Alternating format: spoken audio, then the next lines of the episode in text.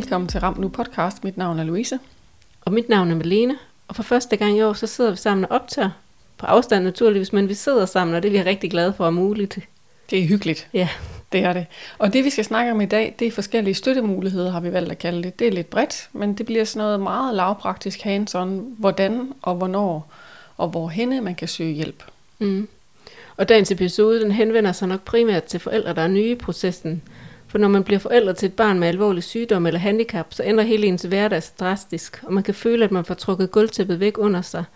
Og man skal lære at navigere i en ukendt og ofte meget kaotisk og skræmmende hverdag, og det kan være rigtig svært at overskue, hvor og hvordan man skal få hjælp. Og det ønsker vi med den her episode at være med til at tydeliggøre en lille smule. Og selvom at, det, at, vi, at vi primært henvender os til forældre, der er nye i processen, så håber vi alligevel, at der er nogle af jer, der, er lidt, der har været gamet i, i flere år, måske kan få et eller andet ud af episoden. Ja. Først og fremmest, når man bliver forældre til et, øh, et barn med alvorlig sygdom eller handicap, så vil det for mange nok være naturligt at række ud og søge hjælp ved ens netværk. Det kan for nogen være helt fantastisk og en kæmpe stor støtte. For andre så kan det være problematisk, og man kan føle, at man bliver svigtet. Og det handler selvfølgelig ikke om, at folk de ønsker at svigte. Det handler om, at man måske ikke får kommunikeret tydeligt nok begge veje. At man ikke var forventningsafstemt eller fortalt godt nok om tingene. Ja, ja næsten uanset om man, øh, hvordan det går skidt eller det går godt, så tænker jeg, så er der altid en vigtig pointe, der er, at man skal opdrage sit netværk. Som mm. du siger, man skal være helt tydelig med, hvad man har brug for, og hvordan man føler, at man bliver hjulpet bedst. Ja, lige præcis. Ja. Og ellers så kan vi jo lige minde om, at vi i episode 2 havde besøg af Anne Grete Bris, og netop snakket om netværk, og hvordan det kan være fyldt med alt muligt, mm. og store følelser. Ja. Så, øh, og også nogle gode råd til, hvordan man kan gøre. Så den kan vi kun opfordre til, at man måske lytter til igen, eller hvis man ikke har hørt den, at man hører den. Mm. I sådan et forløb her, når vi tænker på, hvem der kan, kan have brug for hjælp til en start, så er det jo ofte, når det er, at man øh, har fået et sygt barn, så er man på et sygehus. Og på de fleste sygehus, der er der krisepsykologiske funktioner, eller man kan blive tilknyttet en af børneafdelingerne, hvor de ofte har ansatte psykologer. Øh, det man ved, det er, at jo hurtigere man får hjælp, og bare sådan forebyggende og støttende hjælp, jo bedre klarer man sig i efterforløbet. Det har vi også berørt i nogle af de andre episoder. Ja. Det er dog ikke alle steder i landet, at man har ansat rigtig mange psykologer til det. Det skal man være opmærksom på, og det kunne virkelig være et godt ønske fra min side, at man havde det langt i større omfang, end man har nu, fordi det virkelig er så godt at få den første kontakt.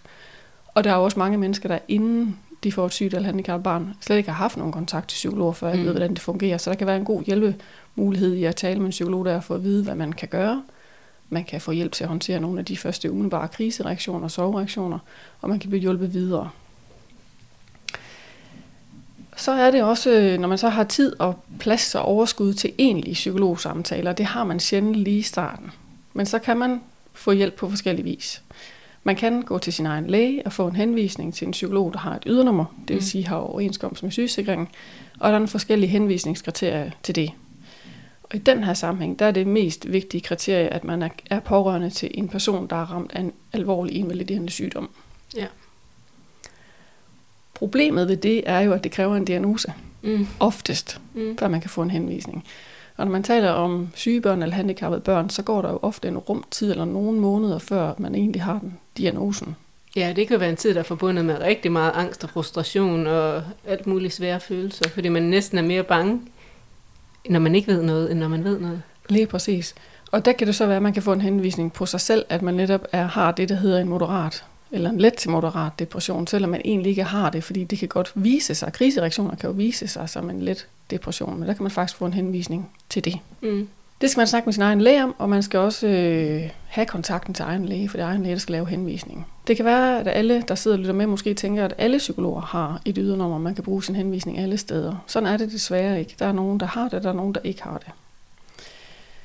Hvis man går til en psykolog, der ikke har et ydernummer, ikke har nogen overenskomst med den offentlige sygesikring, så er der flere muligheder. Man kan vælge at betale helt selv. Man kan også, hvis man er medlem af Sygeforsikring Danmark, få tilskud til samtaler, hvis den pågældende psykolog har en ordning med dem. Eller man kan bruge sin sundhedsforsikring. Hvis man har en sundhedsordning og vil gerne vil bruge den, når man vælger psykolog, så skal man være opmærksom på, at man faktisk har frit valg. Det vil sige, at man kan vælge frit blandt alle autoriserede privatpraktiserende psykologer i Danmark. Man skal også være opmærksom på, at der er nogen, som forsikringer, der tilbyder et netværk af psykologer. Det vil sige, at det kun er en afgrænset gruppe, gruppe af psykologer, som man kan øhm, bruge. Men jeg ved, at Dansk Psykologforening de faktisk anbefaler, at man helst skal gå efter det frie valg. Øh, og man må gerne selv efterspørge den fleksibilitet, øh, så man selv kan vælge en psykolog, fordi det er sådan inden for ligesom med lægeverden, sådan er det også inden for psykologverdenen, at flere og flere psykologer bliver mere og mere specialiseret.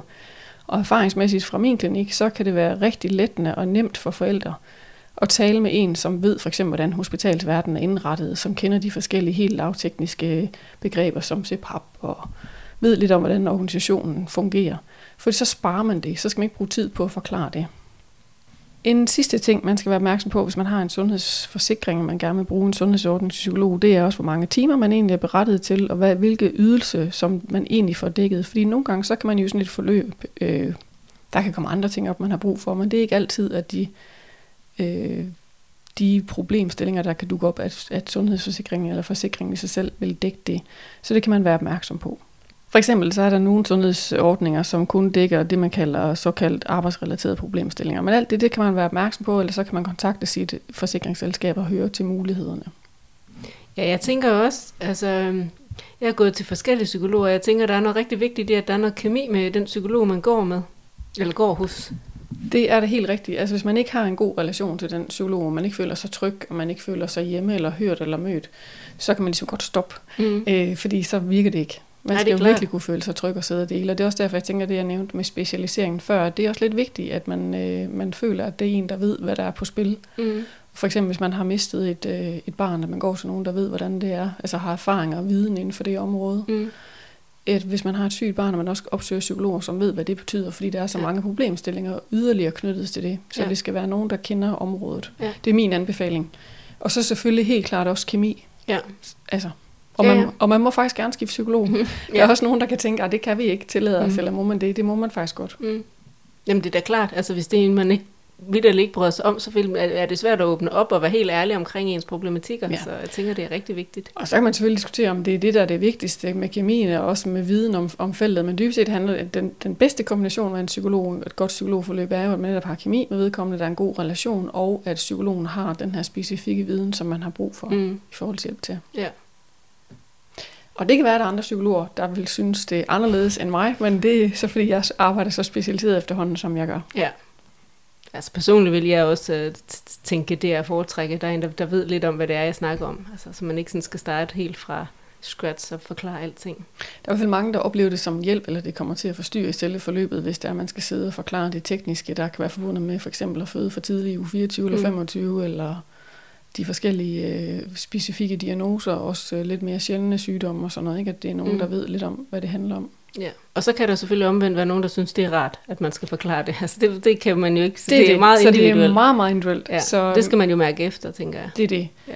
Så dybest set kan man sige, at der er sådan, hvis vi lige skal samle det op, jeg har siddet og sagt, så kan man ofte få noget hjælp på børn, landets børneafdelinger.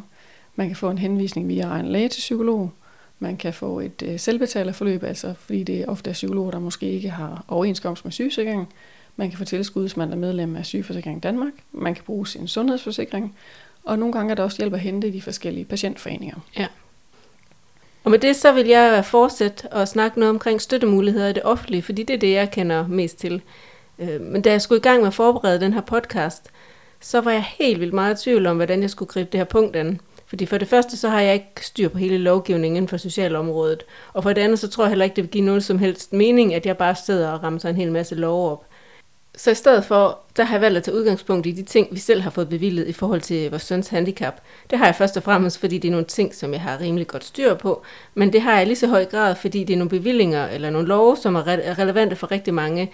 Det er fire sådan overordnede. Det handler om tabt arbejdsfortjeneste, det handler om mere udgifter, øh, aflastning, og så handler det noget omkring hjælpemidler og forbrugsgoder. Da vores søn han blev syg, der tænkte jeg, at øh, den her, den klarer vi selv. Det, øh, vi har fået det her barn, og så må vi tage det med, der kommer på både godt og ondt. Øh, men så en dag, så, hvor vi var på Skype en tidlig morgen, så var der en, en læge, som sagde, øh, I er simpelthen så presset, så I har brug for noget hjælp, og jeg vil rigtig gerne sende en underretning til Aarhus Kommune. Øh, på det tidspunkt, der var jeg ansat som familierådgiver ved Aarhus Kommune, og jeg blev helt forskrækket over, at hun nævnte ordet underretning, fordi at jeg tænkte, at det handler om at være en dårlig forælder, og at man ikke klarer det godt nok.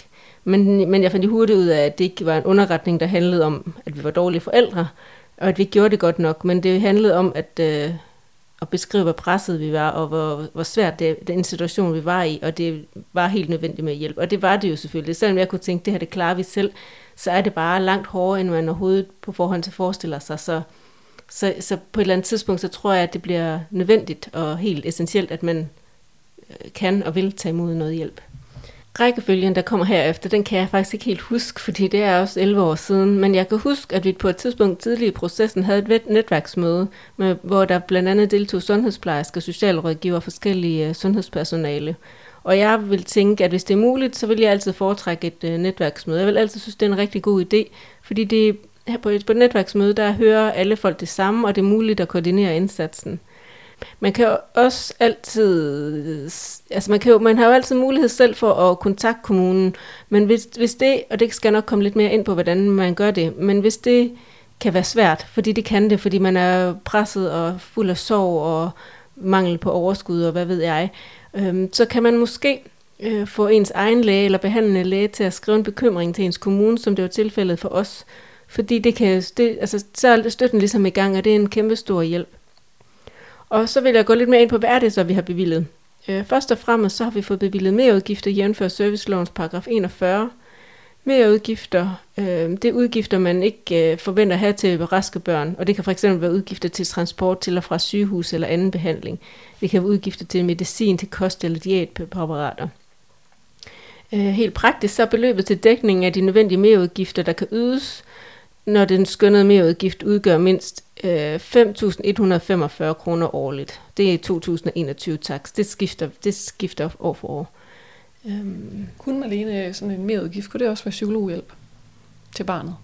Altså til barnet, ikke mm. til forældrene? Både til forældrene eller barnet, hvis vi nu taler lidt længere frem.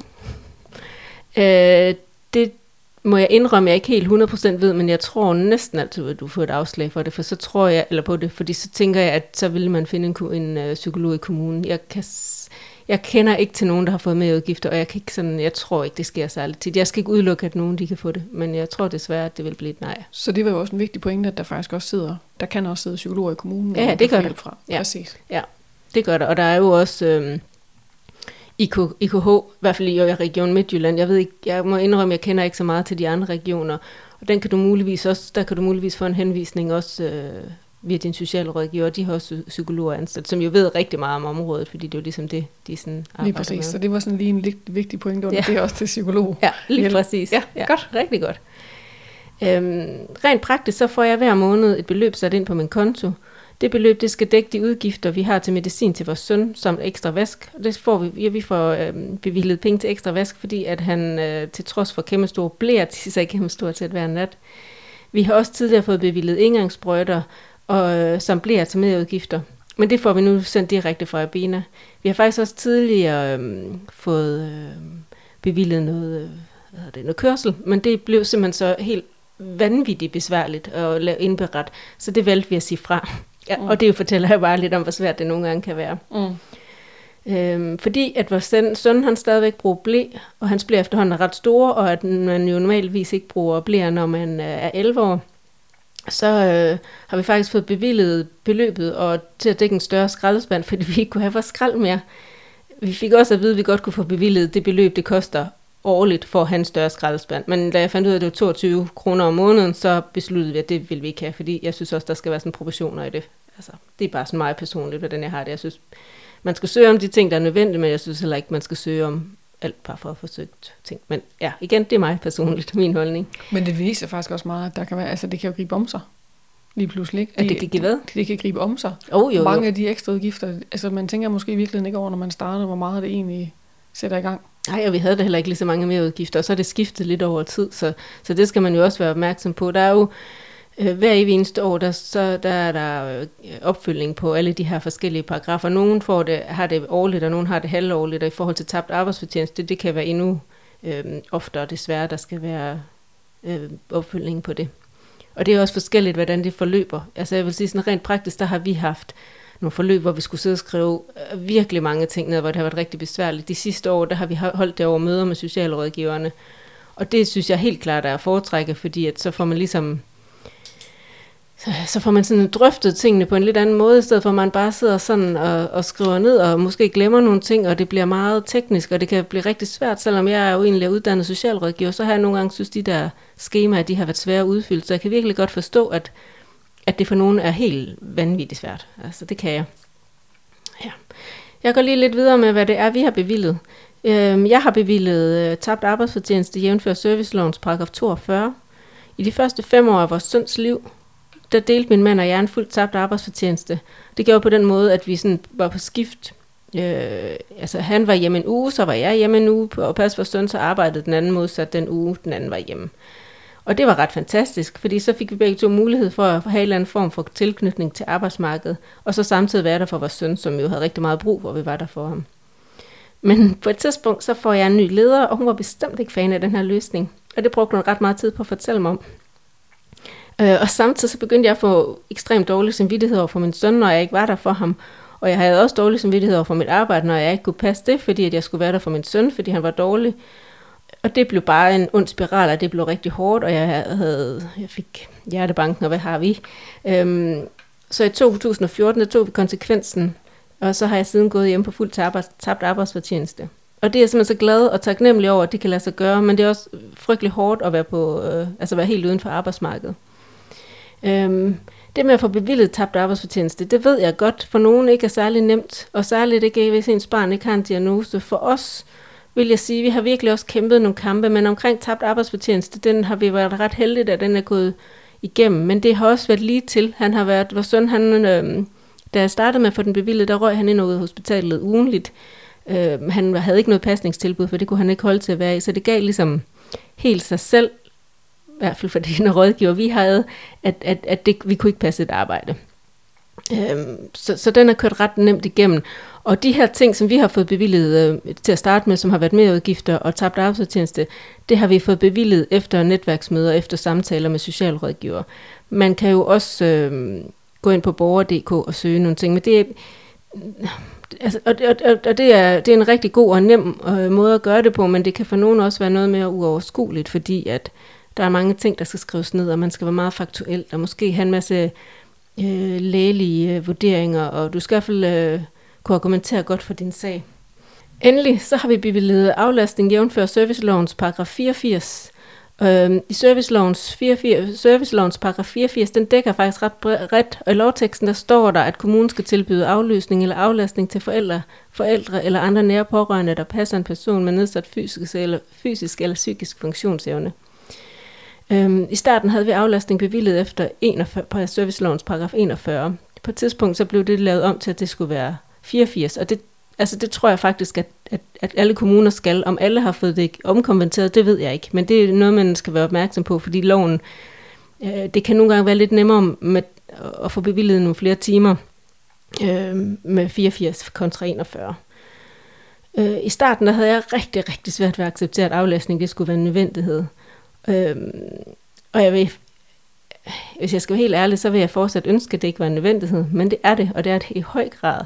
Fordi uden at have aflastning, så vil vi være ekstremt fastlåste. Vi har ikke nogen, der kan passe vores søn ud over aflaster. Øhm, så hvis vi skal nogle ting, så er det fuldstændig nødvendigt og fuldstændig essentielt. Og derudover har man også bare brug for at have et break fra at være forældre en gang imellem. Hvor der er nogen, der kan tage over og passe på og holde øje. Hvor vi bare kan slappe af eller gøre noget andet. Øhm, I starten der havde vi ikke bevillet ret mange timer, og at komme op på, hvor vi er nu, som er 10 timer om ugen, det har faktisk været lidt en kamp, og jeg må sige, at øhm, øh, hvis jeg skal være helt ærlig, så handler noget om det, at kommunen de lavede en sagsbehandlingsfejl, og det kunne jeg jo øh, se, at de havde, og så blev det sådan lidt lettere at få igennem. Øhm, men det er jo heller ikke rigtigt, altså det er jo ikke rimeligt, at det skal være på den måde, men til gengæld så har vi på ingen måde skulle kæmpe for at få bevilget nattevagt. Øhm, det har vi en gang om ugen, samt en weekend om måneden. Og det kom faktisk bare sådan i stand, at jeg en nat igen ikke havde sovet og var ved at blive sindssyg, så gik jeg ind og sendte en øh, mail til øh, min søns socialrådgiver og skrev virkelig ganske kort, jeg kan ikke mere, vi har, vi har, vi har brug for noget nattevagt, jeg har brug for så og så mange timer, fordi sådan og sådan, og så gik der ikke sådan synderligt lang tid, og så kom det igennem, og det må jeg sige, det var jeg også ret overrasket over, at det gik så let. Og det er jo også lidt skræmmende, at man nogle gange skal komme helt så langt ud Ja, altså det, ja, det er det, men jeg vil sige lige på den her, det har været vores egen skyld, fordi at vi her skulle være klar til at, at søge nattevagt. Det er klart, men jeg tænker også nogle gange, så kræver det, må det kræve enormt meget overskud. Jeg sidder og hæfter mig ved alle de ting, du sidder og siger, man skal mm. udfylde og søge mm. og, og have viden om, og du har jo allerede et stort forspring her, mm. fordi du har en ja, i forvejen, så, så det er, det er mega toft. Altså det er mega toft at være i det her system. Det skal man slet ikke, øh, det skal man slet ikke være i tvivl om. Jeg kan godt være, at jeg får det til at lyde så let, fordi for os, der kører det, men vi har også været i det her i, i, i 11 år, som sagt. Og så, så bliver det nok, tror jeg, for mange nemmere, eller det håber jeg i hvert fald ikke. Og jeg tror, kampen dem tror jeg faktisk, at man har ret meget af starten, indtil at socialrådgiverne, og der sådan lige, at man er sådan velbeskrevet, og de har egentlig har fundet ud af, at det her, det, det, er, det er ægte nok. Øhm, ikke at der ikke stadigvæk kan være kampe, men det er på en lidt anden måde, vil jeg sige. Det er i hvert fald også mit indtryk, at det er særligt i starten også med de forældre, jeg taler med, eller mm. de par, jeg taler med, det er ofte i starten også, men, men det er jo et helt nyt område, man skal sætte sig ind i, og man ved faktisk ikke, hvad der er måske nødvendigvis lige op og ned, eller hvad man kan, og hvad man må. Nej, og så vil jeg sige, øh, og der har jeg en kæmpe fordel, jeg har siddet på begge sider af skrivebordet, øhm, og jeg tror, man som socialrådgiver nogle gange kan glemme, hvor presset de der forældre, man sidder overfor er, og selvfølgelig ved man det godt, og man har en masse teoretisk viden, og det er jo ikke fordi, at det er øh, folk, der ikke har noget empati, det er det jo helt bestemt, men øh, hverdagen kører, det er en travl hverdag, der er rigtig mange borgere, man skal forholde sig til, så tror jeg godt, at den der, den, den kan man glemme lidt i processen, og jeg tror også rigtig meget, øhm, at, at, at socialrådgiver de er rigtig dårlige til at få forklaret mellemregningerne. Hvor, hvordan er vi kommet fra A til B? Fordi jeg tænker faktisk ikke altid, at folk de kan få bevillet det, de søger om. Det kan de ikke rent lovmæssigt, og så er der ligesom ikke noget at gøre lige meget, hvor, hvor frustrerende man kan tænke, det er. Men for mig handler det også rigtig meget om, at jeg får forklaret, hvorfor er det så, at jeg ikke kan få det bevillet, og at man stadigvæk bliver lyttet til, at der er nogen, der tager det alvorligt. Øhm, og forstår ens frustration omkring det. Og jeg er helt enig, og netop hvis man tænker som udgangspunkt, særligt i starten, så er det jo forældrepar, som er ramt og i krise, mm. og det betyder også, at man har brug for at forstå nogle ting, og hvis man er ramt af krise, så er ens kognitive funktioner sat lidt ud af, af drift og mm. kraft, og det er helt normalt. Men så har man netop brug for det der med at kan forstå, og særligt hvis det nu er et felt, man aldrig nogensinde har beskæftiget mm. sig med før, så kræver det virkelig god tid og mange forklaringer.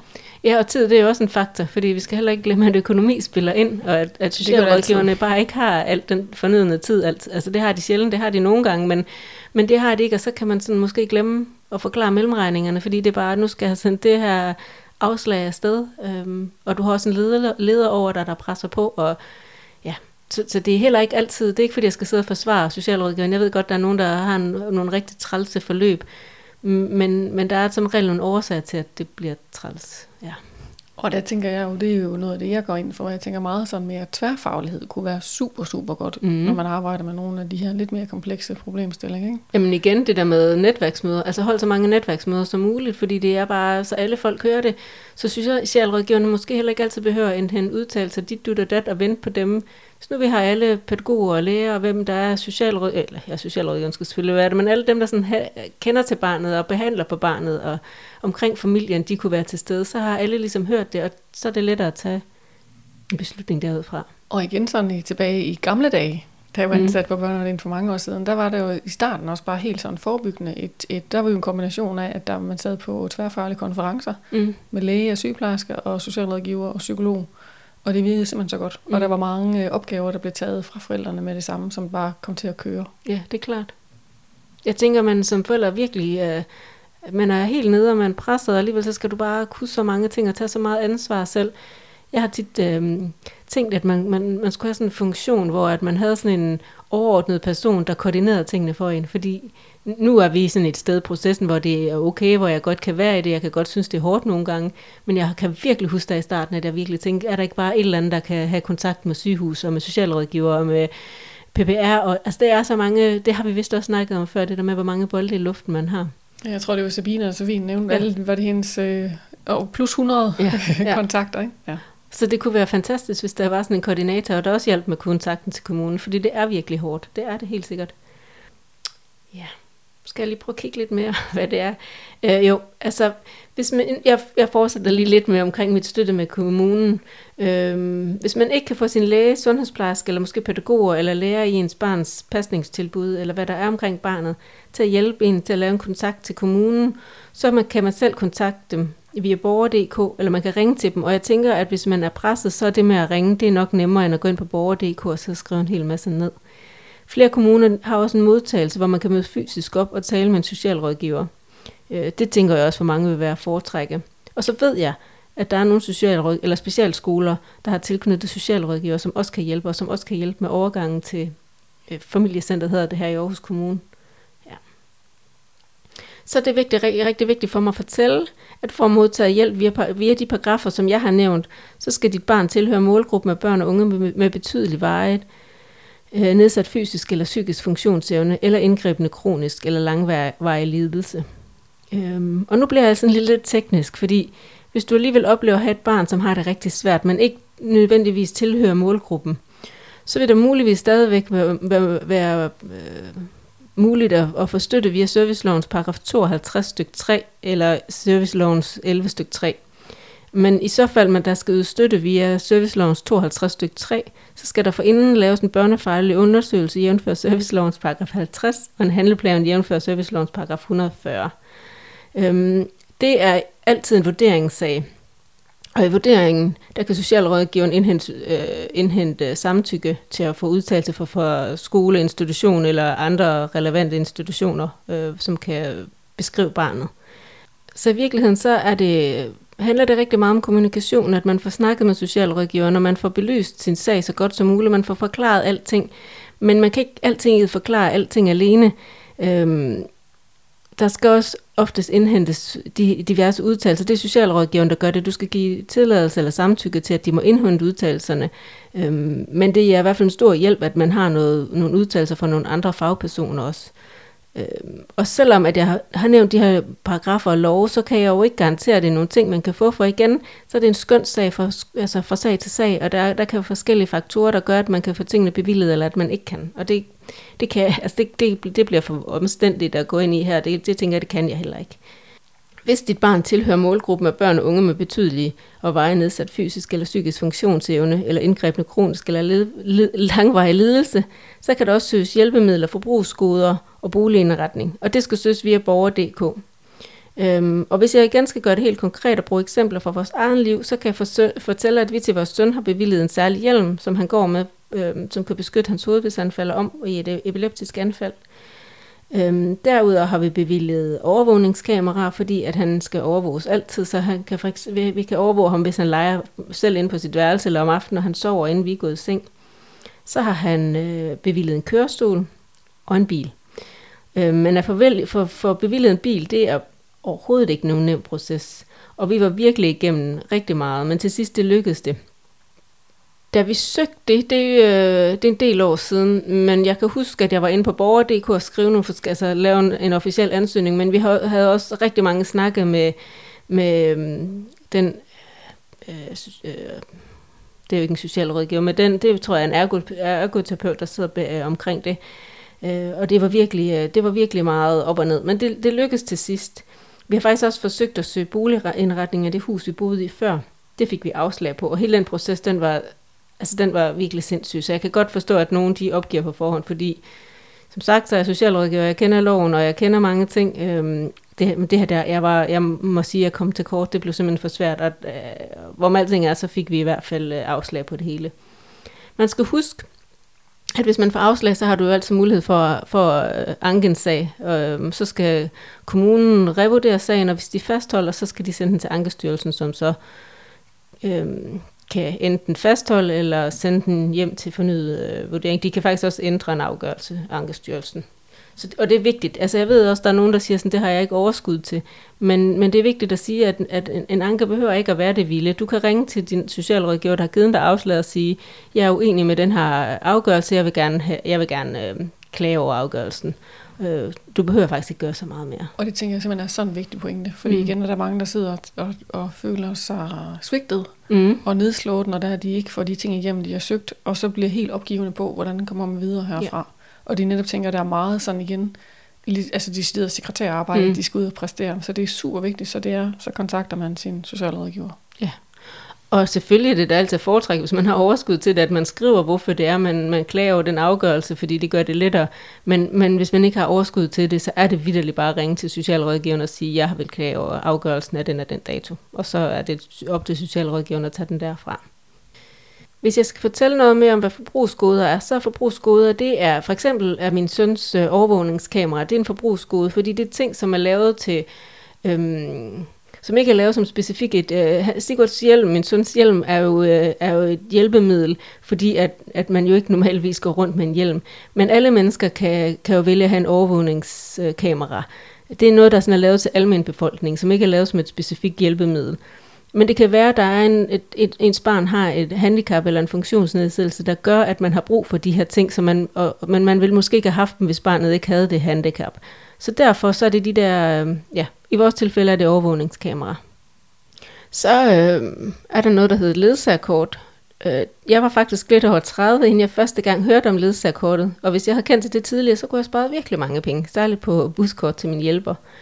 Ledsagerkortet det udstedes til personer med handicap, der har behov for ledsagelse, ledsagelse øh, til at færdes i det offentlige rum. Kortet det, det dokumenterer kortindhaverens behov for at have en ledsager med f.eks. bus, tog, metro, teater eller lignende. Det koster 200 kroner og er gyldigt tre år, og så skal det fornyes derefter. Det kan man søge om på handicap.dk, og jeg vil sige, at i virkelig mange tilfælde, der er det, øh, der er det virkelig, øh, der sparer man mange penge ved, ved at søge, søge, eller, ja, søge om et handicapkort, eller ledsagerkort, skal jeg prøve nu. For eksempel, hvis man har aflaster til sit barn, og, man skal, og de skal have barnet med på museum, eller andre ting, som andre steder, som koster penge, så kan ledsagerens øh, billet blive betalt igennem et ledsagerkort. Så det er jo super, super smart. I en senere episode, der kommer Louise og jeg til at tale meget mere om det med pludselig at være afhængig af støtte fra det offentlige, øh, om kommunekampe og så videre. Men jeg har alligevel lyst til at tale lidt mere omkring emnet her, fordi jeg synes, det er super, super ærgerligt, at der er så mange, der føler, at det er en umenneskelig kamp, øh, som de skal kæmpe imod en kommune. Og hvad er det egentlig, det handler om? Fordi jeg tror dybest set, at de fleste socialrådgiver bliver socialrådgiver med et ønske om at hjælpe andre mennesker, og i en eller anden form gøre en forskel. Jeg tror simpelthen ikke på, at der er nogen socialrådgiver, der ønsker om at kæmpe med borgerne. Tværtimod. Øhm, men det er svært indimellem. Øhm, og det er svært, og jeg tænker det egentlig, det er svært begge veje. Man bliver nødt til at søge det gode samarbejde og forstå, at rådgiveren ikke kender din situation, før du har forklaret den. Og selv når du har forklaret den, og måske synes, du har forklaret det tusind gange, så vil vedkommende aldrig helt 100% kunne forstå dig og hvordan du har det. Og derudover så er det nogle helt ekstremt komplekse sager, og der er rigtig meget, der beror på skøn, og det kan være ekstremt svært. Og så skal I, som jeg også har været inde på tidligere, slet ikke være i tvivl om, at økonomi, sags, sagspres og ledelse det spiller en kæmpe stor rolle. Socialrådgiverne de er ofte presset ud ovenfra, øhm, og der er ofte, at de måske heller ikke har viden om, at det er borgere, der er i krise, og, borgere, og måske ved de heller ikke nok om de diagnoser, som børnene har, som de skal sidde og øh, træffe beslutninger omkring. Så, så det er bare rigtig, rigtig svært indimellem. Ja, jeg kunne sådan ønske, at der var sådan et helt bredt vidensfundament, som man havde som udgangspunkt, også som socialrådgiver. Netop sådan en helt basal viden om, hvordan mennesker agerer og ser ud og virker og taler og fungerer, mm. når det er, de enten er i stor, stor krise, de er stressede, eller de faktisk måske også har posttraumatisk stress. Og posttraumatisk stress er jo faktisk en høj procentsats, når man ser på forældre, der har et kronisk sygt eller handicappet barn. Mm. Så måske noget efteruddannelse kunne være rigtig relevant Det her. kunne være så vigtigt, eller jeg vil jo gerne have det jeg vil altså gerne forebygge, ved du, ja. så jeg vil gerne have det ind allerede på uddannelsen, at ja. der kunne være noget der, hvordan man så takler mennesker i krise, fordi det ja. er så vigtigt, det er så sårbart for dem, når det er ens barn. Mm. Så det med at blive set og hørt og mødt fra starten af. Og ikke fordi man skal forstå, fordi det kan man aldrig. Man Nej. ved ikke, hvordan skoen er, hvis man ikke har gået i den. Mm-hmm. Men bare en, en generel viden. Mm. Ja. Og i forlængelse af det, som Louise hun siger, så tror jeg, at socialrådgiveren de skal have en bedre viden omkring, hvor presset forældrene de er. Altså som du også siger, Louise. Og, og i den forbindelse være bedre til at tage sig tid. Og vigtigst at forklare, hvorfor der bliver besluttet, hvad det gør. Fordi jeg tror faktisk, at der er rigtig mange forældre, der ikke forstår mellemregningerne, fordi der ikke bliver taget sig tid til at forklare dem mellemregningerne. Og så tror jeg nogle gange, det handler om, at borgerne kan måske ikke få præcis den støtte, han eller hun har søgt om eller ønsker, men er der måske noget andet, man kan få, og bliver det overhovedet oplyst? Øh, over, rådgiveren overskud tid til at tænke over, man, er der så noget andet, vi kan tilbyde? Det tænker jeg i nogle tilfælde, de gør, og så tænker jeg i nogle tilfælde, de desværre ikke gør det. Og, og så kan man også føle sig, så føler man sig ikke, måske ikke særlig mødt, for det er at få et afslag, men, men der, det skal også sådan, du skal måske forstå afslaget.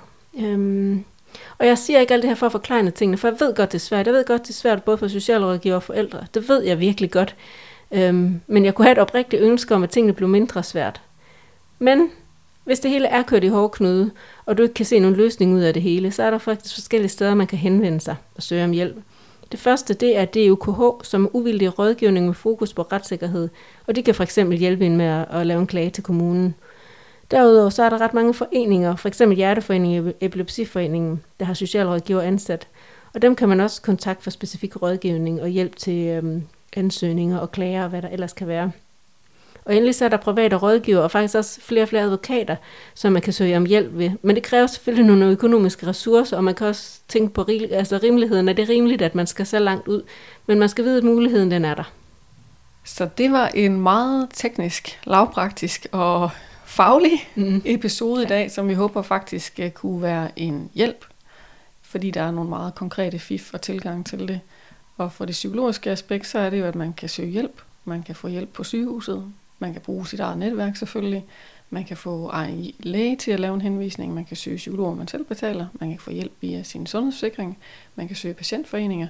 Og så det, jeg uddrog af hele dit fine, det var, at det er så vigtigt, at man har et godt samarbejde og god dialog fra start af med socialrådgivere, mm. og man vil det gode samarbejde, og at man altid kan få hjælp, hvis man kontakter sin socialrådgiver.